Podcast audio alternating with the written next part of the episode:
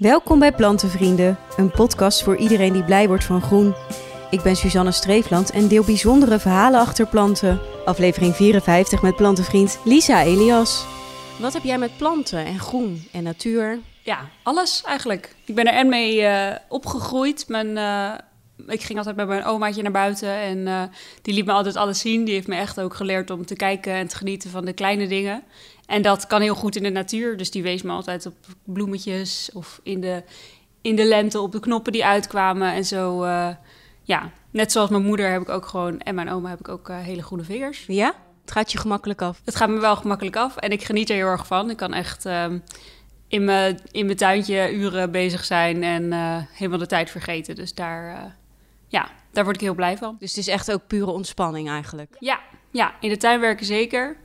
En um, nou, ik denk zoals heel veel mensen begin corona, toen eh, ben ik gaan samenwonen met mijn vriend. En toen begon het met kamerplanten, zeg maar. En dat is dus nu in mijn nieuwe huisje met, uh, met de tuin uitgebreid. En daar, ja, daar kom ik echt lekker tot rust. Als ik daar een beetje onkruid kan wieden en uh, ja, bezig kan zijn met mijn moestuin. En je studiekeuze heb je er ook op gebaseerd, of niet? Ja, niet per se erop gebaseerd. Maar het is wel zo dat het er toevallig ook uh, een groot onderdeel van is. Ik heb cultureel erfgoed gestudeerd aan de Rijnwoord Academie in Amsterdam.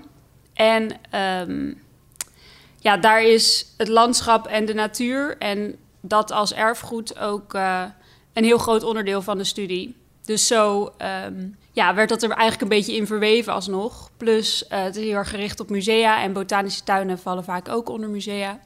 Dus zo um, ja, is dat een groot onderdeel van mijn studie geweest. En je bent nu ook verbonden aan een botanische tuin, toch? Ja, ja verbonden via de Maaltuin. Wij organiseren pop-up diners.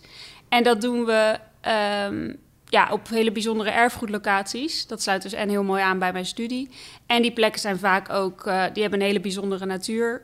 Um, ofwel als botanische tuin, ofwel via natuurmonumenten, Utrechts landschap, uh, dat soort dingen. En uh, waar wij onder andere nu de maaltuin organiseren voor komende maand is in Trompenburg, in de Rotterdam-Kralingen.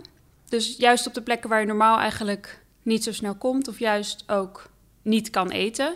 Daar uh, maken wij een mooie route en laten we je door het eten en drinken en het, en het wandelen over de locatie de plek zien. En de verhalen van de plek leer je op die manier kennen. Dus het is een hele unieke manier van, in dit geval, mooie natuur en wat, hoe mooi de natuur kan zijn, ontdekken. En heb je zelf ook de natuur op die manier leren kennen bij Trompenburg? Nou, ik, ik kende Trompenburg al wel. En um, ja, via de maaltuin kwam ik dus in nauwer contact. En nu ben ik elke keer als ik een editie ga bedenken en de verhalen ga opzoeken van die plek, dan loop ik daar rond met iemand van de tuin. En dan kijken we samen naar mooie nieuwe verhalen van planten, van de geschiedenis van de tuin. En zo komen we elke keer tot een thema voor het editie. En deze keer ben ik weer de tuin rond gaan lopen met uh, Gert, de hortularis is dat. En die heeft me weer allemaal allerlei mooie dingen laten zien. En dat zijn dan echt dingen waarvan ik denk hoe, hoe ja, dingen die je laten zien hoe mooi de natuur kan zijn en hoe bijzonder de natuur eigenlijk is. Zoals bijvoorbeeld een van de uh, mooie stukken uit de tuin, daar vind ik uh, de koningin van de nacht. En dat is een nachtcactus. En die, dat is sowieso een cactus die klimt. Dus dat vind ik al tof, want ik hou erg van klimmende planten. Vind ik ook net zoals bij een uh, passiflora, dat je die draadjes die zich zo helemaal wikkelen om, om andere, ja, om iets om zich aan vast te klampen, dat, dat vind ik heel mooi. En deze cactus die bloeit dus, maar dat doet hij één keer per jaar in de nacht. Dus dat is, of nou niet eens één keer per jaar, geloof ik, maar heel erg weinig. En dan één nacht maar. Dus dan komt hij, ja, aan het begin van de nacht, s'avonds komt hij uit. Het is een gigantische bloem en die ruikt heel erg lekker. En dan tegen de ochtend, zodra de zonlicht opkomt, dan verwelkt hij weer. Dan is die bloem eigenlijk alweer weg. En wat voor kleur is die bloem? Uh, een beetje geel-wit.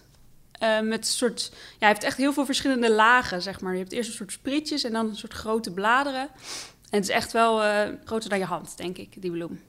En je kan niet voorspellen wanneer die uitkomt? Ja, volgens mij kan je het wel een beetje aanzien komen dat die gaat bloeien. Uh, maar niet dus echt zo, oh, deze nacht gaat die uitkomen, zeg maar. En, um, oh ja, je kan hem ook laten bloeien, zeg maar, door um, alleen maar in het donker te houden. Dus hij staat nu in een kast, dus dan gaat hij gewoon mee met licht en donker.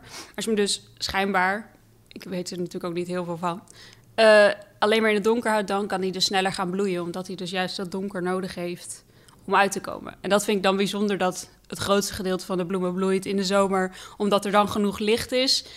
Uh, en deze heeft juist het liefst geen licht om echt een prachtige bloem uit te laten komen, die je dus ook niet zou zien, want het is helemaal donker. Hoe kan dat? Weet je dat? Ik weet niet hoe dat kan. Ik weet wel dat, die, uh, dat de insecten die bestuiven, dat zijn uh, motten. In plaats van de bijtjes en de dingen. Maar juist die leven de nachtvlinders. In de nacht. Ja, precies. Die leven in de nacht. En die, uh, als die dan die bloem weer bestuiven, dan kan er dus ook een hele mooie grote vrucht aankomen. Maar dat is in Trompenburg denk ik niet gebeurd. En dat is dus een van de verhalen die jullie dan ook vertellen tijdens zo'n uh, ja, maaltijd. Ja, dat is een van de verhalen die je dan ook uh, te horen, te zien krijgt uh, tijdens de maaltuin.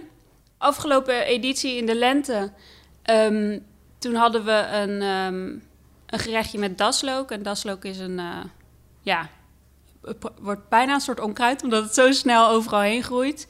En dat zijn een soort, ja, uitjes, knolletjes uh, die groeien in de tuin en die bedekken heel mooi de grond in de, zo in de lente. Heb je echt zo'n heel mooi groen dik met allemaal mooie uh, witte bloempjes. En die bloempjes en die bladeren kan je eten. En dat is eigenlijk ja, een soort knoflook-ui-achtige uh, smaak. En uh, dat vind ik heel leuk aan de, de maaltuin in combinatie met Trompenburg bijvoorbeeld. Dat je nu echt het stekje wat ik heb meegenomen ook, dat kan je gewoon eten. En als je daar door zo'n tuin loopt, dan denk je, oh mooi, ziet er leuk uit, groen, bloemen, dingen. Terwijl er dus heel veel gewoon eetbaar is als je dat op, op de juiste momenten uh, ja, oogst of op de juiste momenten klaarmaakt. Dan uh, kan het gewoon heel lekker zijn. Want wat voor stekje heb je meegenomen? Ik heb de Salomon zegel meegenomen uit Trompenburg. Dus die komt uh, daar uit de tuin. Die hebben we gisteren daar uit de grond gehaald. En um, die, uh, ja, hij heet zo omdat dus de stengel die zit vast op de wortel. En als je die afbreekt, dan is de onderkant van die stengel is een soort als een zegelring, zeg maar, met een tekening erin. Dat zit verder allemaal onder de grond, dus dat zie je verder eigenlijk helemaal niet. Maar dat is uh, waar zijn naam vandaan komt. En er komen het begin van de zomer hele leuke kleine witte bloempjes aan. En die, die, ja, die hangen dan in een soort rijtje aan een takje. En um, in het begin van de lente, als je ze dan afknipt, dan kan je ze eigenlijk als een soort asperge uh, zijn ze dan. En dan kan je ze dus ook eten. Dus je moet ze gewoon laten hangen en dan in de lente weer afknippen en dan... Ja, in de winter gaat hij dood, dus dan zie je hem niet. En dan uh, als hij opkomt, dan is het een soort stengeltje. Als een soort asperge komt hij dan uit de grond. En dan kan je dat uh, ja, bereiden hoe je wil een beetje hetzelfde als een asperge bereiden. En hoe smaakt dat ook als een asperge? Ja, volgens mij wel, maar ik heb het zelf nog nooit gegeten, dus dat weet ik niet. Dat is een uh, idee voor de volgende editie van de maaltuin dan. Ja, leuk. En waar hoop je dan, ik zet hem natuurlijk in de plantenbiep in Rotterdam, en waar hoop je dan dat hij terechtkomt? Ik hoop dat hij terechtkomt bij iemand die net zoals ik afgelopen jaar aan het ontdekken is geweest hoe, hoe je je eigen tuin indeelt, onderhoudt en daar net zo van kan gaan genieten als ik. Want wat heb jij geleerd afgelopen jaar? Dat het vooral heel leuk is om gewoon lekker van alles uit te proberen in je tuin. Dus als iets afbreekt, het in het water zetten om te kijken of het stekt. En um, uh, ik ben ook heel veel bezig geweest met mijn moestuintje. Dus daar de voldoening uithalen van je eigen groenten maken is wel ja, waar ik heel veel plezier uit heb gehaald. De plantenbieps die zijn te vinden op plantenvrienden.nl en op Instagram deel ik de updates van alle stekjes die mijn gasten weggeven in deze podcast. Heb je zelf een verhaal te delen? Dan kan je dat mailen naar podcast.plantenvrienden.nl. Leuk dat je luisterde en tot de volgende aflevering.